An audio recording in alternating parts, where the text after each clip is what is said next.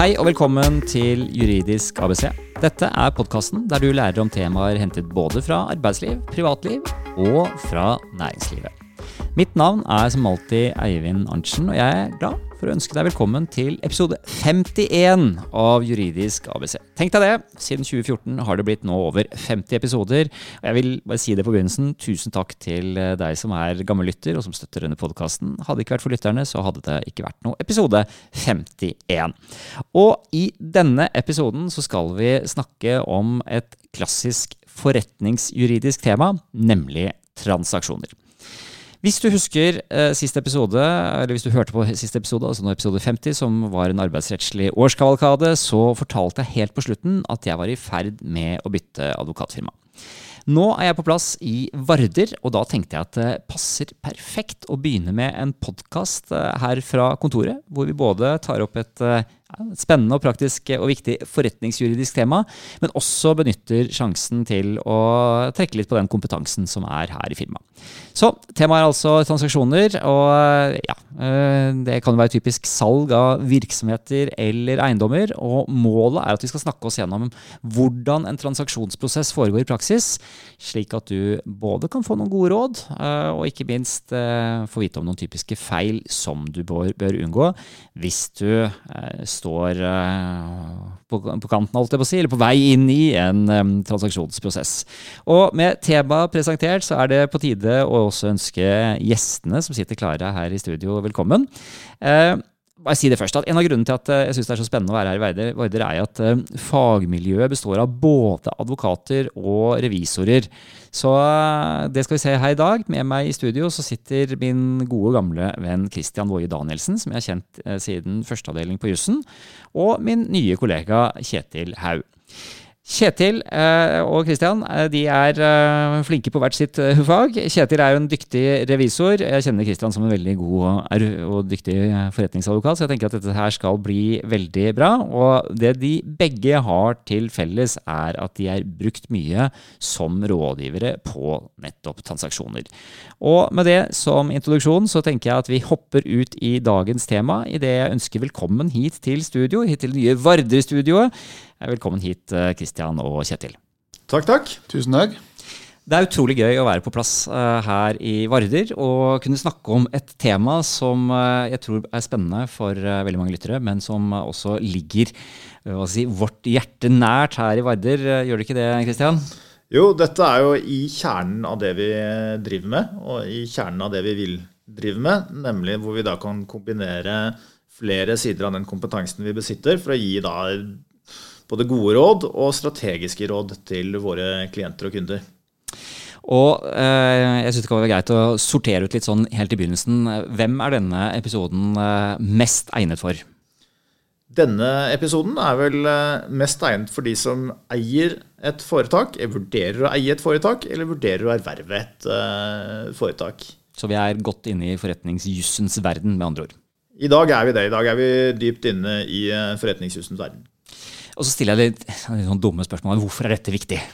Vi mener jo at uh, kompetanse og uh, ikke minst uh, forarbeid rundt transaksjonsprosessen gjør at de som vurderer både for så vidt å selge virksomheten, og de som vurderer å kjøpe virksomhet, får mer ut av både salg og kjøp enn det man får i dag. Og så er det litt sånn som Kjetil og jeg har erfart, nå som vi har drevet med dette en stund det er at flest, den viktigste årsaken til at uh, ting går uh, at ting går skeis i disse transaksjonsprosessene, det er ikke nødvendigvis det man skulle tro, nemlig at det er forskjellig oppfatning av uh, selger og kjøpers pris. Men det er at man har gjort en for dårlig prosess underveis. Og det er jo veldig kjedelig når man tenker på kjøp og salg av virksomheter, som kanskje er for bedriftseiere noen av de største transaksjonene de gjør i livet sitt, uh, om de strander pga. dårlige valg i prosessen. Jeg tenker jo at Det hadde vært veldig spennende om uh, vi kanskje kunne høre noen eksempler på hvordan, uh, hvordan dette arter seg i praksis. Ja, vi har jo flere eksempler på de tilfellene der det går skeis.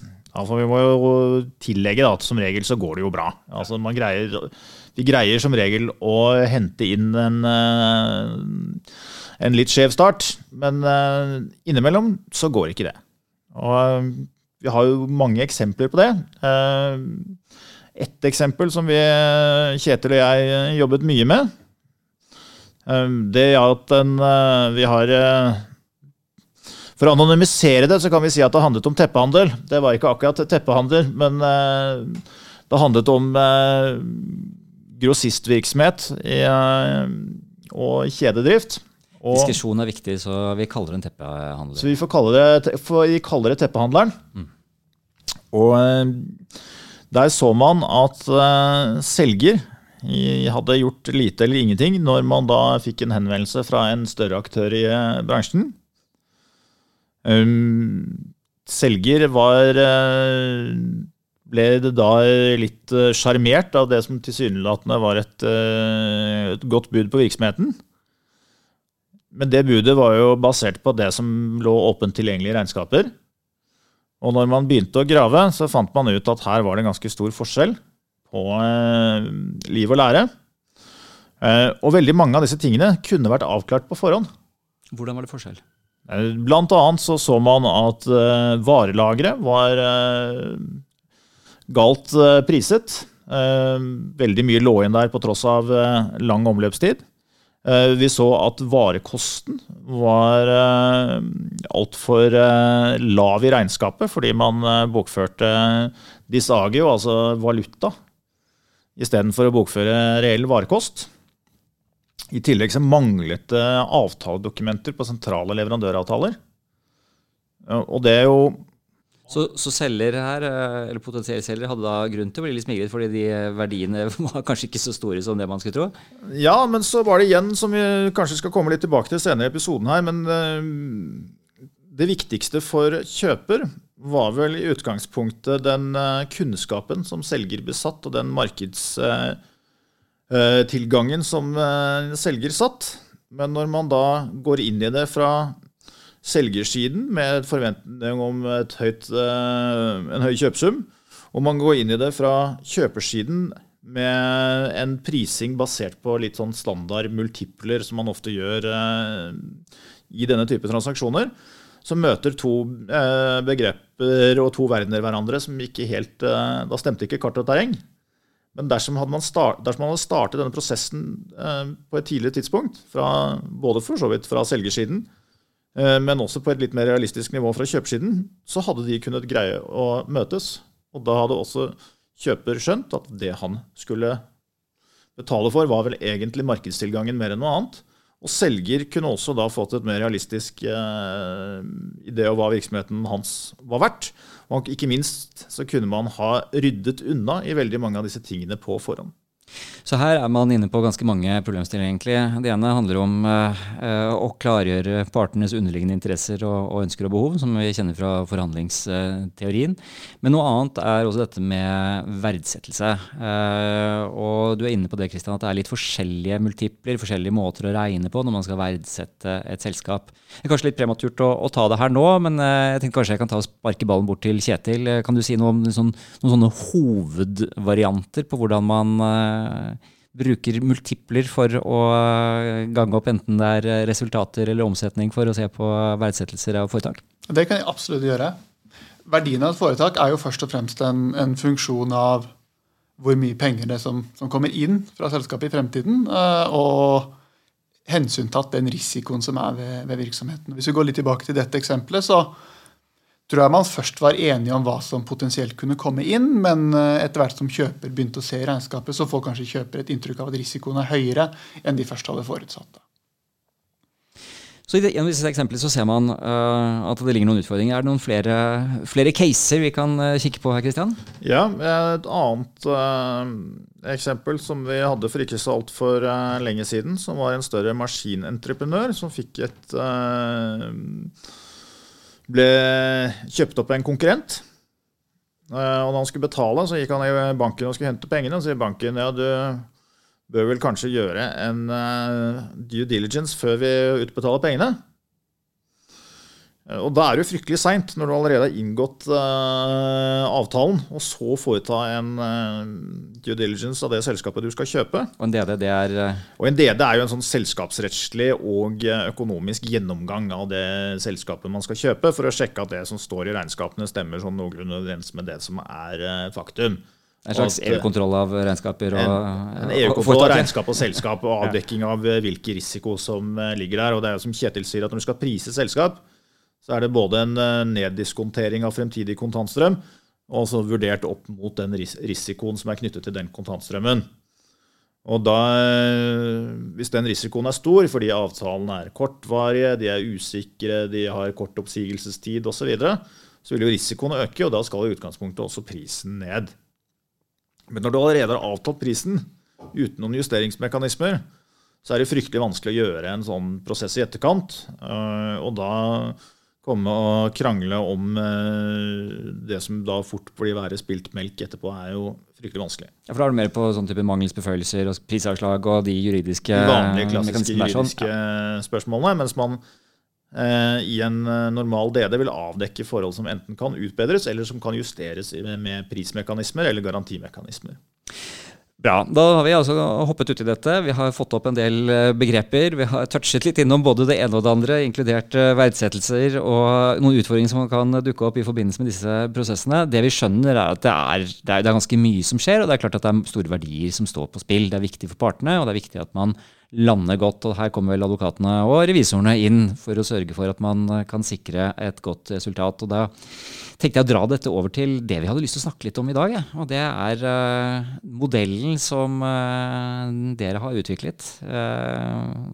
Kristian, uh, kan du ikke du presentere hva er det denne modellen består av? Ja, Det er jo noe Kjetil og jeg har jobbet litt med. Kjetil som rådgiver og jeg som advokat, i forbindelse med at vi har jobbet sammen nå i mange år på, i forskjellige posisjoner på flere transaksjoner, eh, så har vi identifisert en del eh, problemstillinger og sett hvordan Vi har liksom prøvd å tenke oss hva vil den Hvis vi skulle fått gjennomført den uh, ideelle transaksjonen, hvordan ville vi da ha, ha, gjort det? Og så har vi lagd en modell på det, og den har vi i all beskjedenhet og pretensiøst nok kalt Varder-modellen. Fantastisk godt navn.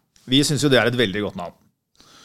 Og Hva er da denne sagnomsuste Vardø-modellen? Det vi har gjort da, er å dele en salgsprosess opp i fire deler. En eh, strategisk prosess, en forberedende prosess, en tilretteleggende eh, prosess, og så til slutt transaksjonsprosessen. Det vil si at vi har tre steg før selve transaksjonen. Så når man tenker på transaksjoner, så er det mange som liksom hopper rett på det, men det du sier er at det er mange steg man skal gå før man er eh, inne i selve transaksjonen. Og det er, eh, tror vi også, hvis man sitter på eh, selgersiden eller vurderer å selge virksomheten sin, er eh, steg du vil få godt betalt for når du kommer i den siste prosessen, som er transaksjonsprosessen.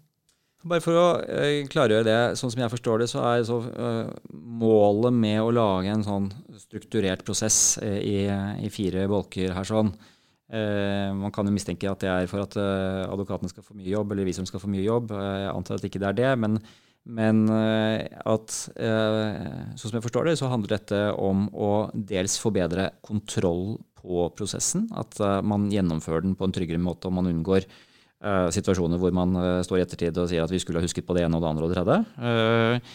Men også å løfte fram verdiene de underliggende verdiene. Altså sånn at dette vil være uh, for så vidt uh, selvfølgelig i, i, selgers interesse, men, uh, men, det er klart at det vil også kanskje gi en større trygghet for, for kjøper også. Man vet bedre hva man får hvis man gjennomfører forberedende handlinger på en god måte før man er oppe i transaksjonsprosessen. Er det riktig forstått?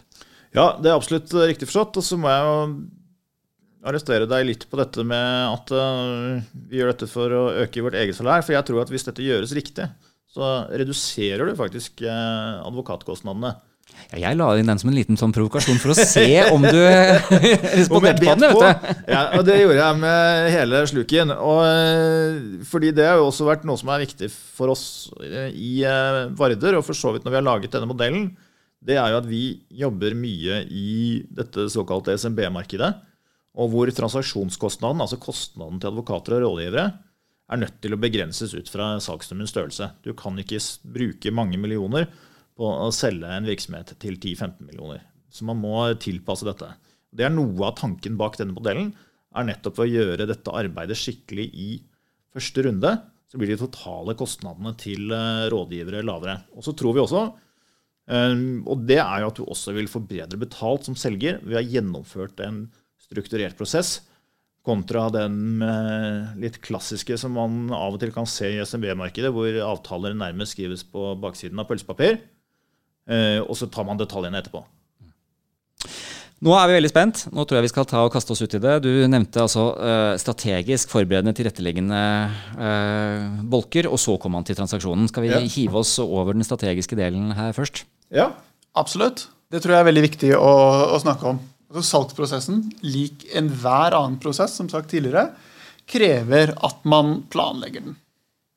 Og man bør ideelt sett bryte det ned i oppgaver. Hvem skal gjøre hva, og når. Eh, når man driver en virksomhet, så bør man ha tenkt på hva er jeg interessert i å oppnå. Og det bør man da, i forhold til en salgsprosess, gjøre ganske tidlig. Hva er, folk, hva er man typisk er opptatt av som selger? Som selger så kan det jo være um, interesser som den enkelte selger har, om man driver en virksomhet alene. Ønsker jeg å fortsette? Ønsker jeg å selge for at jeg vil holde på med noe annet? Uh, ønsker jeg å maksimere profitt? Det behøver ikke alltid være kun én selger. Det kan være flere aksjonærer, det kan være flere eiere av den virksomheten som selges. Og jo tidligere de snakker sammen uh, for å oppnå et felles mål, jo bedre. Eh, litt større virksomheter enn de aller minste har jo gjerne også nøkkelansatte. Hvordan sørger man for at nøkkelansatte opptrer gjennom hele prosessen slik at, de, slik at alle drar i samme retning? Så forventningsavklaring er kanskje et stikkord her? sånn? Forventningsavklaring internt er et stikkord. Og, og, når man har kommet dit, så bør man lage en salgsplan. Og salgsplan, hva vil det være? Det jeg tror er viktigst å tenke på, er hvilken tidslinje du ser for deg. Hvor raskt ønsker du å selge? Eh, som regel så tar det ganske mye tid. Eh, vi opplever jo ofte i prosesser at det går veldig fort fordi at kjøper kjøper og, selger møtes raskt og, og, og sånn sett raskt kommer til en enighet. Men om du ønsker å gjøre prosessen grundig, kan det kanskje ta mer tid. Det kan ta en del tid med forberedelse. Eh, og så må du sette av ressurser for prosessen og avklare hvem som skal gjøre hva når. Hva er nøkkelressursene som man trenger for å ha, lage en god salgsplan? Jeg tenker først og fremst internt i virksomheten. Eh, hva skal du som eier bidra med? Hva skal nøkkelpersoner bidra med? Og hvor trenger du eh, å innhente ekstern kompetanse? Veldig bra. Da fikk vi i hvert fall uh, litt sånn kjøtt på beinet i forhold til denne strategiske fasen. her. Sånn. Hva er de typiske feilene folk gjør i denne fasen? Det kan jo kanskje være det å være for utålmodige uh, og, haste for raskt gjennom det, vil jeg tenke. Men er det noen andre ting dere ser i praksis at er sånne typiske tabber man gjør? At det kan bli litt uorganisert, er det jo det vi kan se i denne fasen. fordi det trigges gjerne, denne, En salgsinteresse trigges gjerne av et eller annet. Enten av et bud, eller av at man nærmer seg en pensjonsalder, et generasjonsskifte hvor man kanskje ikke ville overta, eller at det er uenighet mellom aksjonærer som gjør at man må, eh, ønsker å selge virksomheten. Så det trigges av et eller annet. Og så kan det bli litt eh, Så tar man, ikke, tar man seg ikke tiden til å gjennomføre denne delen, så blir det litt sånn armer og bein. Altså Man tar seg ikke tiden. Det er gjerne der det I hvert fall er det vår erfaring at det butter litt. Det er at det blir, og da blir det litt sånn armer og bein. Som vi skal komme kanskje kan komme litt tilbake til. Men i veldig mange av de tilfellene vi har vært gjennom, så møter man ofte en veldig profesjonell kjøper. Kjøper kan alle, alle kortene i stokken. For mange av kjøperne kjøper flere virksomheter, så de har vært utenom internettet før, men selgere har kanskje egentlig bare vært opptatt av å bygge sin egen virksomhet? Ja, det er ofte det som skjer. ikke sant? Det er selgers eneste transaksjon, men for kjøper så er det en, det, en i rekken. Dette gjelder jo spesielt hvis man i, har bygget opp en virksomhet på en slik måte at det kan være interessant for enten private equity eller for de større aktørene i sin bransje, som da gjerne sluker mindre aktører på mer eller mindre regelmessig basis. Dere sa altså at først har man den strategiske fasen, og det er, det er den vi har snakket litt rundt nå. og Så kommer man over i en forberedende fase. Det er kanskje en litt sånn glidende overgang her, eller, eh, eller hva, hva, er det som, eh, hva er det som for å si det sånn da, hva er det som eh, kjennetegner den mer operative forberedende fasen? Da, man, da, går man inn og eksekverer på de planene man har lagt. Altså, der går du inn mm. og, Først legger du planen, og så går du inn, og, går du inn og gjennomfører på den planen man har. Da vil du gå inn og gjøre de, de tankene du har gjort deg. da. Og prøve å gjøre det til noe mer konkret. Og hva konkret gjør man? ja, eh, Noe av det man i hvert fall eh, konkret eh, bør gjøre, det er jo å definere hvem er det som er potensielle kjøpere. Og det gjelder også selv om du har fått fått én interessent som har henvendt seg. Det første du bør gjøre når du får én interessent som henvender seg, det er å spørre hvem andre er det som kan være interessert. Ja. Se etter flere alternativer. Se etter flere Absolutt se etter flere alternativer. Er det, er det, vanlig at folk tar seg tid til det? det er, fort så blir det kanskje at man, man, driver en virksomhet, man har jo tenkt litt på å selge, eller det er kanskje litt friksjon mellom aksjonærene. Noe, noe, skjer i hvert fall. Det er kanskje litt følelser involvert også. Så kommer det en kjøper. Så kan det hende at man tenker at dette er fantastisk. Eh, her er, en, her er det en beiler. Her er det noen som er interessert i å legge noen penger på bordet. Og så, så, så blir man liksom slukt inn i den prosessen. Eh, og, og, så blir det en transaksjon, men så har man liksom helt hoppet over det å se på alternativer. Er jeg helt på bærtur her? Eller nei, det tror, jeg, det tror jeg er veldig på treffer spikeren veldig på hodet. Det er noe vi ser veldig ofte. Er at man blir enten litt sjarmert eller litt øh, trigget av det gjerne indikative budet som kommer. Og så glemmer man å se på hvilke alternativer man har. Og Hvordan går man fram for å skape flere alternativer? Eh, hvis man har gjort denne strategiske delen og over på den forberedende delen også, identifisert hvem er det som eventuelt kunne vært interessert i å kjøpe meg, eh, så kan man gjøre mye av den prosessen selv. Altså Det finnes jo profesjonelle her ute også som kan bistå og som vi kan identifisere kjøpere og som har nettverk. Men mye av den prosessen tror jeg man ofte kan gjøre selv, for man vet selv hvem som er interessert uh, i ens virksomhet. Så uh, se på andre aktører kanskje som uh, driver og, og, bygger seg opp innenfor markedet. Uh, oppkjøpsfond, er det noe hvem, hvem, er det som er de typiske kandidatene, hvis man skal se etter alternativer her? Sånn? De typiske kandidatene er andre aktører i egen bransje. Mm. er jo de klassiske Kanskje man er redd det, kanskje man må gå til konkurrenten? Eller man må vel gå til konkurrenten? Du må nesten gå til enten til konkurrenten eller til det som har vært eller er en samarbeidspartner i dag. Mm. Men det er ikke det litt farefullt? Det kan det være. Eh, men det er samtidig også der ofte hvis man skal få eh, Hvis man først skal legge virksomheten sin i spill, så, så må man ta den risikoen, da. Det er noen som eh, begynner denne prosessen litt sånn anonymt. Er det vanlig? Det, er van det kan man absolutt gjøre. Og man, i den forbindelse er det jo lurt å benytte rådgivere. Det er både for, for så vidt uh, rådgivere i uh, Varder, men også da rådgivere ute i det markedet som driver med kjøp og salg av virksomhet. Mm. Spennende. Vi er nå i den forberedende fasen fortsatt. Vi er, vi er, i den forberedende fasen hvor man da gjør dette litt mer, som jeg sa, litt mer konkret. Mm.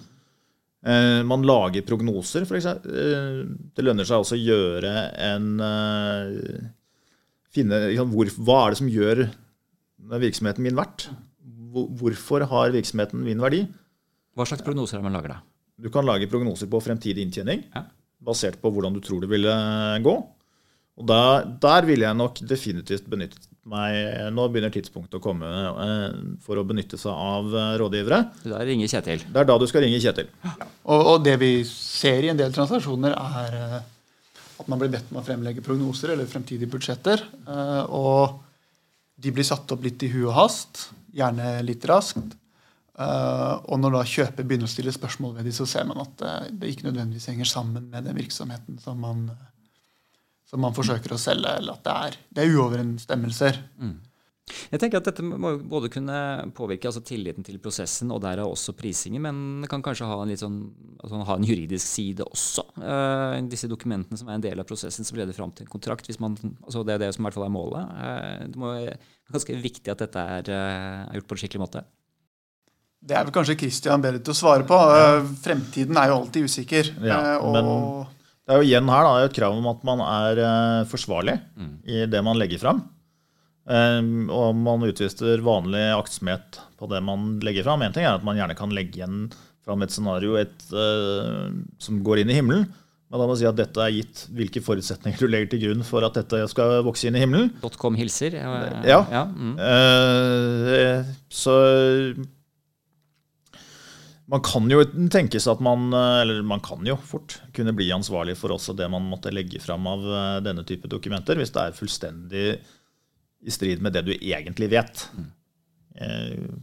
Samme kravene til lojalitet eh, og for så vidt her eh, vil jo gjelde her som i alle andre ja, for man har alltid, uh, Det er noen grunnleggende forutsetninger om lojalitet i kontraktsforhold, selv om parten selvfølgelig er fri til å sørge for å ivareta sine egne interesser når man forhandler om kommersielle vilkår. Men uh, prognoser, altså. Man ser på um, hva er det virksomheten har going, og hvordan er det man tror at inntjeningen vil være fremover. For det er jo kanskje fremtidige resultater. Det er jo det man egentlig kjøper. Først og fremst er kjøpere interessert i fremtidige resultater. Eh, de er nok ikke så interessert i, i, fortiden som man kanskje selv har vært. Eh, og det å bygge en historie om virksomheten som man driver, hvor er den nå, og hvor skal den i fremtiden? Hva er det som skaper verdiene? Er det ansatte? Er det kundekontrakter? Kanskje sette opp noen nøkkeltall på bakgrunn av de, de verdiskapende faktorene man har sett, og knytte prognosene til det. Slik at når man fremlegger prognosene, så kan man regne seg tilbake at prognosen på salg fem år frem i tid knytter seg til at man selger x antall produkter mot den store kunden, og at det da ikke skal dukke opp overraskelser som, om, som at ja, men det innebærer jo at du har fått 250% markedsandel innen det tidspunktet, som, som, fort kan skje hvis man, ikke, hvis man kun prosjiserer historisk vekst inn i fremtiden. At man knytter det opp mot den historien som virksomheten har, og det man driver med, og de nøkkeltall som man selv eh, måler. Og så kan det jo også være disse, disse luftige tingene som vi snakket om. Eh, hvis det er en teknologi som er veldig spennende, som er på vei inn, så, men da vil jo alle partene skjønne at eh, her er det mange ting som skal klaffe for at man eh, får realisert potensialet. Absolutt, og, og, prognoser kan jo godt være luftige. De, men de må basere seg på en forventning om fremtiden. Og, og ja. kunne regnes tilbake til, eh, til det man holder på med i dag. Da. Det tror vi er veldig viktig. Kan du si noe om altså, forholdet mellom da, disse prognosene og, og, verdsettelse? Altså, henger det sammen? Er det samme type rapport, eller er det litt forskjellige, litt forskjellige elementer? Det er veldig krevende å si noe om verdsettelse, i alle fall med to streker under svaret. For det avhenger fra transaksjon til transaksjon. Vi ser ofte i SMB-markedet at man bruker en uh, multiple av dagens inntekt eller fremtidig forventet inntekt og, og, estimerer verdien på bakgrunn av det. Uh, Hvor mange år framover er det sånn vanlige multipler, sånn ut fra din erfaring? Jeg er nok litt usikker, men jeg tenker det er sjelden man går langt frem i tid. Mm. Uh, går du mer enn tre til fem år i, frem i tid på prognosene, så begynner du å nærme deg terra incognita. Sånn rent uh, finansielt. Så, så, så, mye lenger enn det kan jeg ikke se for meg at man skal gå. Hvilke multipler som brukes for å gange opp eh, verdien, vil jo da avhenge av eh, hvilken bransje man er i. Alt fra og også da rentenivå og risikoen som er involvert. Man har sett nå med ekstremt lave renter og eh, penger som søker alternativ avkastning, så har jo man stort sett fått da ganske godt betalt. Mens når rentenivået stiger, så vil jo også da verdiene delvis synke. Og så ser man de sikre tingene som eiendom vil jo gi desto bedre betalt fordi kontantstrømmen frem i tid er helt sikker. Mens andre ting vil være mindre betalt fordi kontantstrømmen er uh, usikker. Uh, og jeg tenker jo at uh, alt dette viser hvor komplekst ting er. Og selv om vi prøver å gjøre det mer si, skjematisk og, og, oversiktlig nå, så er det veldig mange ting som henger sammen. Og det betyr jo at her er det kanskje lurt å ha noen som kan holde en i hånden. Vi har vært gjennom eh, den første delen, altså det strategiske. Eh, så har vi nå snakket om den forberedende fasen. Ja, men og Ja. før vi forlater den Ja, helt eh, Når man først putter penger på en advokat, så er det vanskelig å få det til å holde munn. Men det er eh, den siste biten fra den forberedende delen som er noe vi anbefaler veldig sterkt å gjennomføre. ja, da vil jeg høre om det. Eh, Det er det vi kaller på godt norsk vendors due diligence. Det vil rett og slett si at du tar en uh, titt i eget klesskap for å se hva du finner. Slik at du kan Selvransakelsesprosess. en- rett og slett en uh, DD-prosess på deg selv før du slipper motpartens rådgivere løs. Hvordan gjør man det, da? På veldig samme måte som om du selv skulle kjøpt, deg, kjøpt en virksomhet. Uh, Du går gjennom eh, alle Kjeller og loft? alle kjeller og loft. Du går gjennom eh, alle sentrale avtaler du har. Du går gjennom alle sentrale drivere du har i, for verdsettelse, og sjekker at det ikke er noe der. At det ikke der er f.eks. et uh, stor post på Disagio, som i realiteten er varekost, som påvirker uh, den uh, driftsresultatet ditt voldsomt. Du ser der at de lange leverandøravtalene du har, faktisk er lange leverandøravtaler. At de ikke kan snus på en eh, dag og sies opp. Du ser at de avtalene, Er de knyttet til virksomheten, eller er den i realiteten knyttet til eh, nøkkelansatte som du ikke har kontroll på? Alt dette gjør man før man slipper til eh, motpartens rådgivere, slik at mye av dette kan utbedres før man kommer i en posisjon der de er med på å dra ned verdien av virksomheten din. Altså sånn Vendors due diligence eller vendors eh, må jo være noe som egentlig er fornuftig å gjøre for enhver virksomhet fra tid til annen. Eh, for det, det du snakker om, er jo egentlig eh, å ta en selvransakelse og se på eh, hva er det vi har av altså, hva, hva har vi av muligheter, og hva, hvilke risikofaktorer er det vi har, og hva er det som ligger i forhold til de ansatte. Altså, det er jo en selskapsgjennomgang for å, for å se på både muligheter og risikofaktorer, er det ikke det? Jo, eh, kunne sikkert med fordel vært benyttet også utenfor eh, de situasjoner der man vurderer eh, salg av virksomheten. Ja, bare for å få bedre lønnsomhet, tryggere, tryggere arbeidsplasser, bedre og sunnere organisasjoner. Ja, Og bedre kontroll på din egen organisasjon. For det ser man jo gjerne, spesielt i dette SMB-markedet, hvor eh, ting ofte har vært familieeid, ofte vært sentrert rundt færre personer. Så er det mye kunnskap og mye opplysninger som ikke er eh, nødvendigvis er forankret i avtaledokumenter. eh, Eller som er forankret i et regnskap.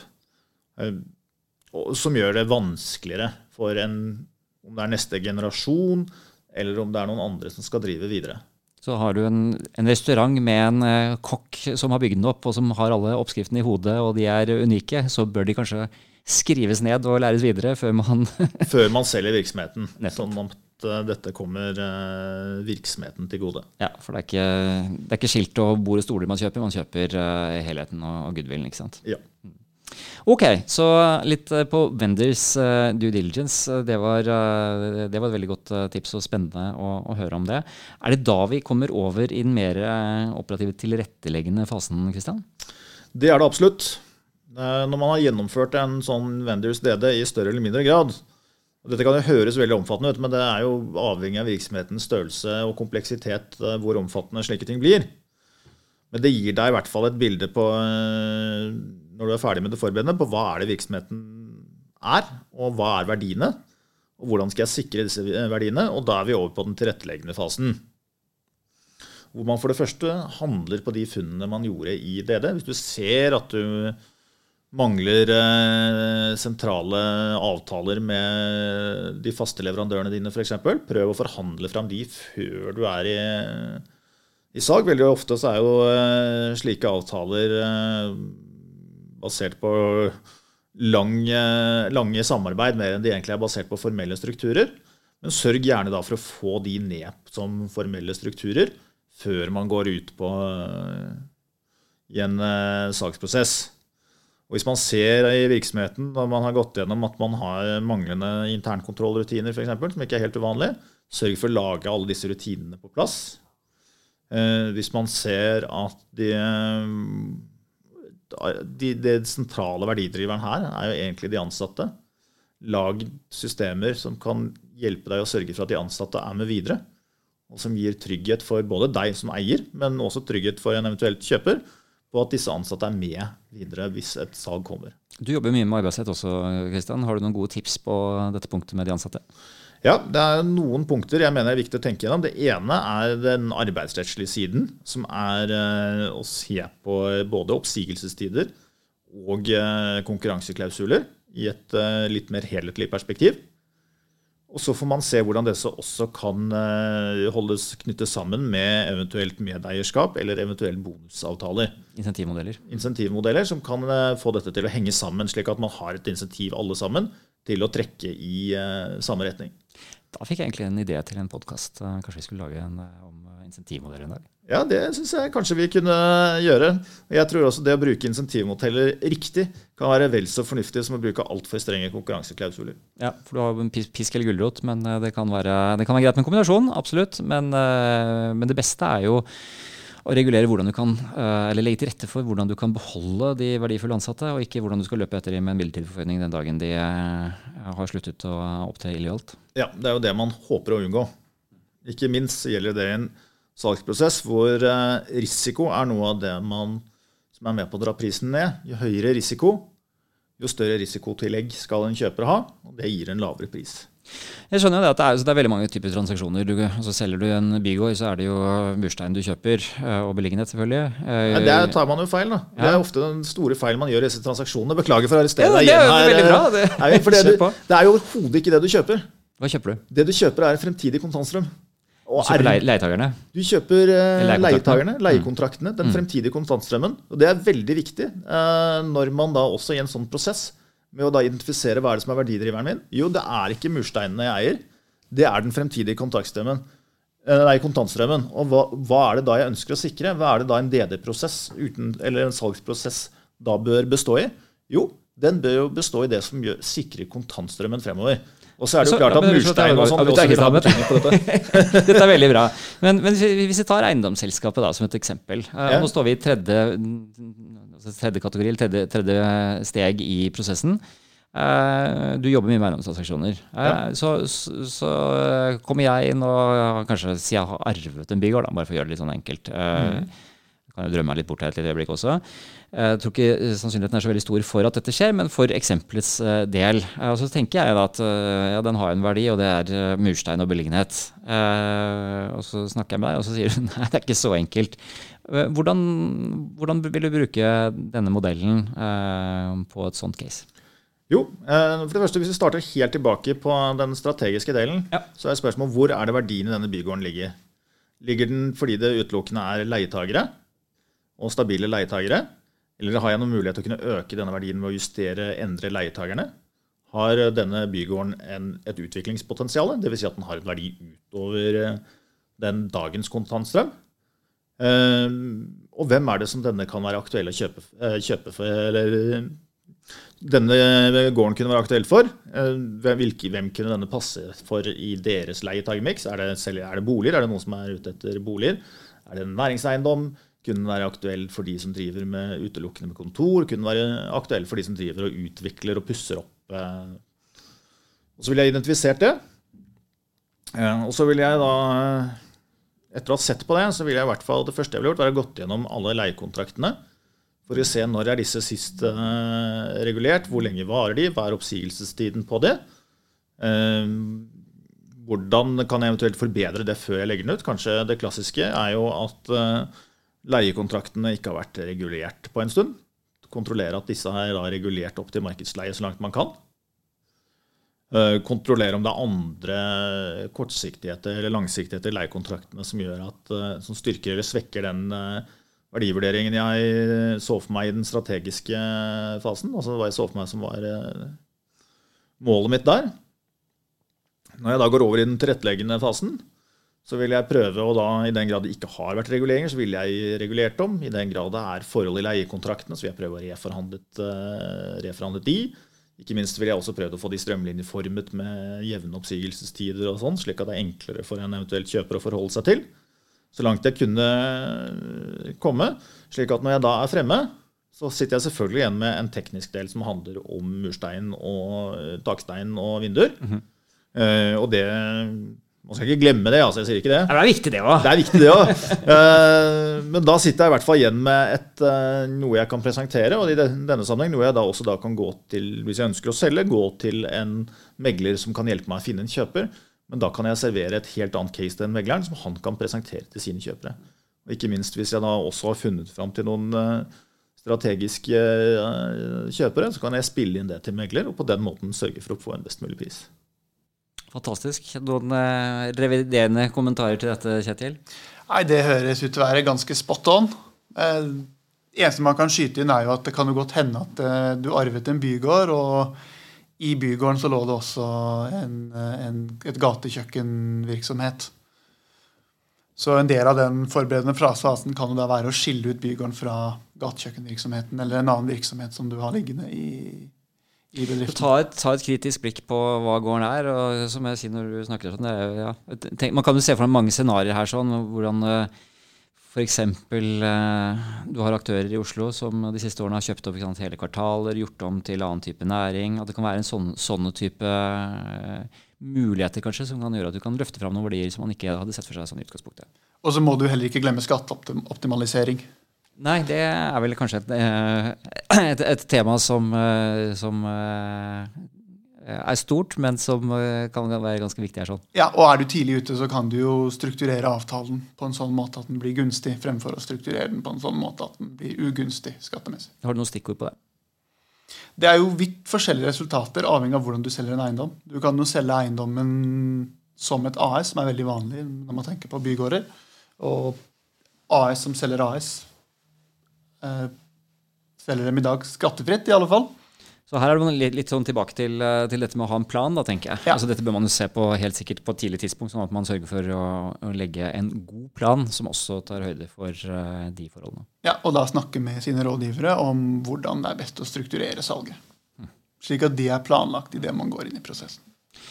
Mye å huske på. Vi var tilbake i den tilretteleggende fasen, Christian, og så sporet jeg deg av med en utfordring på et case. Jeg, jeg, jeg, elsker jo å få eksempler, fordi da er det mye det er lettere å, forstå innholdet. Jeg tror vi eh, allikevel klarer å hoppe tilbake i strukturen eh, på Varde-modellen her nå.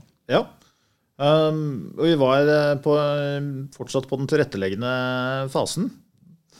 Det siste punktet jeg vel eh, skal ta inn der, er at man bør sette av litt tid. Husk på å sette av bitte lite grann tid til å utbedre disse funnene og til å eh, handle på det du har funnet i eh, den forberedende fasen. Sånn at du ikke ender opp med Skal du reforhandle avtaler, eller skal du sette av bitte lite grann tid til å få dette på plass, så det ikke blir hals over hodet. Ja, og så er det jo litt sånn, Når man skal forhandle eller reforhandle, rydde opp i avtaleverk, og den type ting, så er det jo viktig at man ikke forhandler fra en svak posisjon. Og Hvis du er presset på tid, og hvis uh, den du forhandler med, vet at du må få dette på plass fordi du skal inn i en salgsprosess, så vil jo det kunne påvirke resultatet der, og igjen da selvfølgelig indirekte kjøpesum og øvrige vilkår. Det er riktig. Så Det er derfor vi mener at man bør sette av bitte litt tid. Og det gjelder jo for så vidt hele prosessen. Bitte litt? Bør man ikke ha litt mer? Eller hva, hvor, hvor, lang tid er bitte litt tid? Eh, det bitte lite grann tid, det er uh, lenger enn ingen tid. Det skjønner jeg. Eh, og så er det kortere enn så lang tid man skulle ønske man hadde. Ja, for det er, alltid, det er jo alltid sånn at dette er en dynamisk prosess, og det er litt, altså, man må ha en fremdrift. Mm, man må ha en fremdrift, og man får aldri så god tid som man hopper på. Og så er det litt sånn at jo dårligere tid du har, jo mer rådgivere ender ofte fort opp med å bruke. Så hvis man er kostnadsbevisst, så må man sette av mer tid. Mm. Eh, for er det noe timene løper på, det er når alt skal på plass de siste tre, eh, tre dagene før eh, transaksjonen skal på plass. Da løper det jo timer. Og det er kanskje der vi er på tidslinjen nå? Og det er fort der man ender litt på å være på, å være på tidslinjen også. Mm. Og så får man jo ta en vurdering. Det er ikke sikkert at man får gjort noe med alt man har funnet. Men da vet du i hvert fall at det er der. Du kan si fra at det er der. Slik at uh, den uh, potensielle kjøperen din allerede innledningsvis er informert om det. For det Vår erfaring er at er så, kjøpersiden er profesjonell nok til å finne det uansett. Får, det, ikke er det veldig lojalt og ikke er det veldig etisk å gjemme det. Og hvis du prøver å gjemme det, så tror jeg fort kjøperen finner det likevel. Ja, Så rådet vårt er jo å sørge for at du har orden i dette. Og det er hele poenget med denne prosessen. er ikke det? Å sørge for å Og unngå at man får eh, noe klabb og babb eh, både i prosessen og i etterkant. Ja. Det er eh, definitivt noe av store deler av målet med den prosessen. Og da er kanskje den tilretteleggende fasen snart over, sånn at man nærmer seg selve transaksjonen, eller? Ja, da begynner man å nærme seg selve transaksjonen. Um, og det som er viktig da, det er at man lager en transaksjonsmodell og en avtalemodell som er tilpasset det man faktisk selger. Og hva mener du med dette? Eh, igjen da må vi liksom hoppe litt tilbake til forberedende fase. Når du da har identifisert ja, hva er det egentlig som gir virksomheten min verdi, da vil man sitte på andre siden også, og så vil man tenke at det er det som er verdien. Det vil si at Da må man i hvert fall ha en avtalemodell som eh, sikrer det som gir verdi. Hvis det man ønsker er, eh, å kjøpe er eh, murstein, ja, så vil man ha en avtalemodell eh, som regulerer antall murstein. Hvis det er en kontantstrøm man ønsker å kjøpe, så må man ha en avtalemodell som sikrer kontantstrømmen. Og Det er litt tilbake til det vi sa innledningsvis i uh, dette SMB-markedet, er at man må, holde, man må, prøve å holde transaksjonskostnadene nede, og man må også tenke litt uh, i den forbindelse tenke litt strategisk når man velger avtalemodell.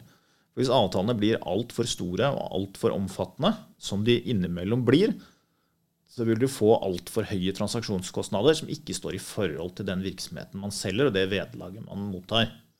Altså det er klart at Selger man, uh, selger man virksomheter til mange hundre millioner, så kan man også tillate seg at avtaleverket er deretter. Men selger du en virksomhet til 25 millioner, så man, bør man være forsiktig med at det skal løpe på mange millioner i transaksjonskostnader for å selge både for kjøper og selger.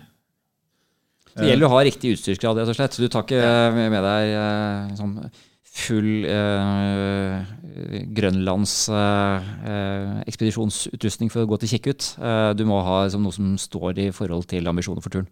Det er helt riktig. Og det tror jeg er noe av det vi har jobbet mye med, er å prøve å tilpasse transaksjonen til transaksjonens størrelse. Det må jo ha noe med, altså En ting er kostnader, men det må jo påvirke litt i forhold til, til tid her også? eller? Det påvirker definitivt uh, tidsmodellen, fordi det løper på fryktelig mye mer tid.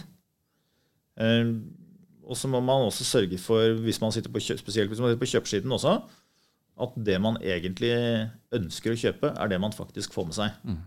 Men er det farlig, da? Altså, jeg tenker altså, man, kan, man, kan, jo være sånn at man tenker at uh, uh, man, man, må, man, må, ha med seg alt utstyret, uh, fordi du vet aldri hva som skjer. Plutselig så kommer det en storm eller et eller annet sånt. Uh, ser du noen risikofaktorer ved å tilpasse modellen ut fra transaksjonen? Med andre ord, ha litt enklere prosesser der kontraktsbeløpene ikke er milliarder, men kanskje titalls millioner eller hundre millioner eller noe der omkring?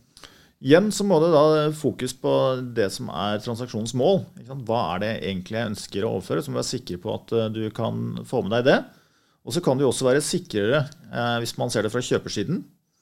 Eh, både med å lage prismodeller som reflekterer hva du får med deg videre, og kanskje en modell som reduserer risiko på den måten. Og så kan man avhjelpe mye i garantimodellene og garantikatalogene ved at de garantiene som gis fra selger, i og med at vi her i dag ikke snakker om disse vanvittige størrelsene, så vil garantiene fra selger ha mer verdi. Fordi de er gjennomførbare. Og det sier at ok, istedenfor at vi skal grave oss ned til å stå og telle antall murstener i dette bygget, så kan vi si at selger garanterer for at det er eh, syv millioner murstein i dette bygget. Hvis, skal, hvis, det er noen som sitter og hører på og tenker hm, garantikataloger, hva er det for noe? Uh, hvordan kan du forklare det kort og greit?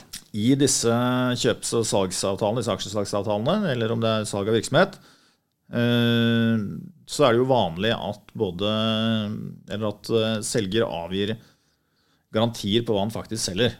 Man skiller gjerne da mellom fundamentale garantier, som man gjerne garanterer med 100 og enklere garantier, hvor det er, eh, gjerne legges inn en beløpsbegrensning. Og til det som, hvor det ikke avgis garantier i det hele tatt, men hvor man er avhengig av hva man har sett eller funnet i en DD-prosess. Jeg liker jo eksempler. da. Tenkte, kanskje kan jeg lage en liten utfordring til dere her også. Si vi er nå i transaksjonsfasen. Uh, og la oss uh, gjøre det til et klassisk eksempel. Uh, man har noen arvinger som da har arvet eller overtatt familiebedriften og funnet ut at ingen skal drive den videre. og det er, Si det er en industrivirksomhet som har vært drevet i 50 år, og som er solid og, og, har både en going operation og det er noe eiendom der. sånn. Hvordan vil en typisk transaksjonsprosess, eller eh, hvordan vil, hvordan vil dette leddet typisk eh, det, gjennomføres da? Ja, eh, Du kan ta et eksempel som vi har eh, gjennomgått for ikke så altfor lenge siden. En industrivirksomhet med, eget, med, en egen eiendom i, eller som drev i egen eiendom. Ja. Der var det at ingen av arvingene ønsket å overta. Og gründer og pater uh, familias ønsket å avslutte. Og så begynner man å se på da. Der begynte vi tidlig å se på uh, saksprosessen. Hva var det som har vært noe? Jo, man hadde noen lange avtaler med, på produksjon for noen kunder. Man hadde noen strategisk spennende kunder i utlandet. Og man hadde, hadde et uh, stort produksjonsvolum som ikke var utnyttet. Det var disse verdiene man hadde. Potensialet. Et potensial. Mm. Uh, så vi fikk uh, gått inn og fikk sett på disse avtalene, disse lange avtalene. Og vi fikk fornyet disse avtalene før vi det hele tatt gikk ut og nevnte at vi ønsket å selge. Mm. Vi fikk skilt ut eiendommen i et eget eiendomsselskap. Så vi fikk fisjonert den ut. Vi fikk laget en fornuftig konsernstruktur med et holdingselskap eh, på toppen. Um, og når Vi da, eh, vi fikk også gått gjennom og sett at vi hadde noen eh, utfordringer på utestående fordringer. Ok, Da er vi klar over det, så vi begynte jobben med å sikre de og finne en måte å kunne få forsikre den risikoen på. Um, så kom vi da inn i transaksjonssiden. Da selger vi virksomhet, og da er jo eiendommen allerede skilt ut. Men med en kommersiell, eh, normal leiekontrakt som gjør at altså far da har, eh, blir sittende på verdier etterpå gjennom å eie eiendomsselskapet. Er det noen skattemessige fordeler med dette her også? Eller må med å strukturere på den måten? Kjetil? Det er definitivt en skattemessig side av det. Mm. I dette tilfellet så selger du et AS. Fra et AS, og, og gevinsten er omfattet av fritaksmetoden. Eh, det er også en praktisk side. Du slipper å gå inn i forhandlinger om salg av en virksomhet som også eier et selskap, så du har allerede tatt kanskje en av de største utfordringene ved hornene før du starter. Så smart, med andre ord. Det er smart, eh, og det er jo en grunn til å starte tidlig. Ja. Det er, derfor vi, det er derfor vi snakker om dette. Det er nettopp. Det er derfor vi snakker om dette. Når vi da kommer inn i denne transaksjonsdelen av det hele, så eh, går den ganske greit. Selvfølgelig litt forhandlinger frem og tilbake. Men i og med at vi allerede før de satte i gang med sin ganske omfattende DD-prosess, vi, vi, visste hva de ville finne, holdt jeg på å si, og jeg hadde allerede løftet det fram i lyset. Dette er det vi ser på som utfordringer så kom det ingen overraskelser ut av den.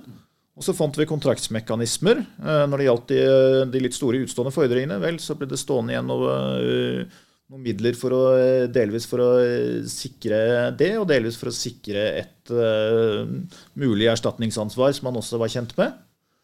Um, og det var ting som var løftet fram, så det gikk relativt enkelt å kontraktsregulere. Um, og så fikk selger en, en god pris. Mm. Og prosessen skled Penger og pris veldig greit. Ja, han, og han fikk da uh, sjelefred og uh, en god slump penger med på kjøpet. Fantastisk. Så eh, da fungerer jo denne modellen i, i det praktiske livet, da? Ja. Vi har nå hatt uh, begynner å nærme oss en uh, time med dypdykk i transaksjonslivet og hvordan man kan løse det på en, en god måte. tenker jeg på tide å dra det mot en avslutning. Er det noe mer dere vil legge til? Nå har vi vært mye inn på praktiske råd og eksempler, sånne type ting, men hvis man skal oppsummere en sånn bullet point, jeg sender den til deg først, her, sånn, Kjetil. Er det noen sånne typiske ting? Da? Har du noen sånne kjepphester i disse transaksjonene, som, disse, prosessene, som du tenker at dette er det viktig at folk passer på? Vi har jo snakket om det så mange ganger, egentlig. Ja. Vi har sagt start tidlig. Tenk gjennom hva du ønsker å oppnå. Lag en plan. Uh, tenk på hva kjøper ønsker, om du sitter på selgersiden. Hva er verdiene, og hva ønsker kjøper? Og prøv å se det fra kjøpers ståsted. Vi har snakket om det, men det var vel verdt å repetere, for det er greit å ta med seg på en oppsummering på vei ut. Kristian? Eh, ja, jeg må jo eh, henge meg på Kjetil her, men eh, for å summere det opp i ett enkelt punkt Start tidlig. Forbered deg godt. Det var to punkter, da. Men, henger godt sammen. Det henger godt sammen. Men start tidlig, er, hvis jeg skal oppsummere det i ett et punkt. Start tidlig. Og så legger jeg til eh, å søke gjerne hjelp, og vi står selvfølgelig klare her i Varde hvis det er noen som ønsker å ha hjelp og noen guider på en sånn spennende reise. Vi hjelper jo veldig gjerne til, og det skal jo sies at vi også syns det er eh, Vi syns dette er gøy. Så nøler er vi at vi syns dette her er veldig gøy. Og eh, det er mulig å komme innom og ta en kort prat før du har bestemt deg om det ene eller det andre. Du trenger ikke å sette i gang hele prosessen for å komme inn og ha et hyggelig møte med oss og høre hva vi tenker og hva vi tror. Ja. Så kan man se er dette noe vi skal samarbeide videre om, eller, eh, eller kanskje ikke. Eller kanskje ikke. Ja, Det finner man eh, jo ut av. Da er i hvert fall den oppfordringen gitt, og så håper jeg at uh, du som hørte på, syns det var spennende å lære litt om denne prosessen, som Christian og Kjetil altså har kalt Varder-modellen for en strategisk gjennomgang av transaksjonsprosesser. Eh, takk for at du hørte på podkasten helt hit. Og så kan det hende da, at vi skal snakke litt om insentivmodeller på et senere tidspunkt. Christian. Det var i hvert fall en idé som dukket opp her eh, under dagens episode. Det skal vi ikke utelukke. Det skal vi ikke. Takk for at dere var med i studio i dag, gutter. Takk for oss. Takk for oss.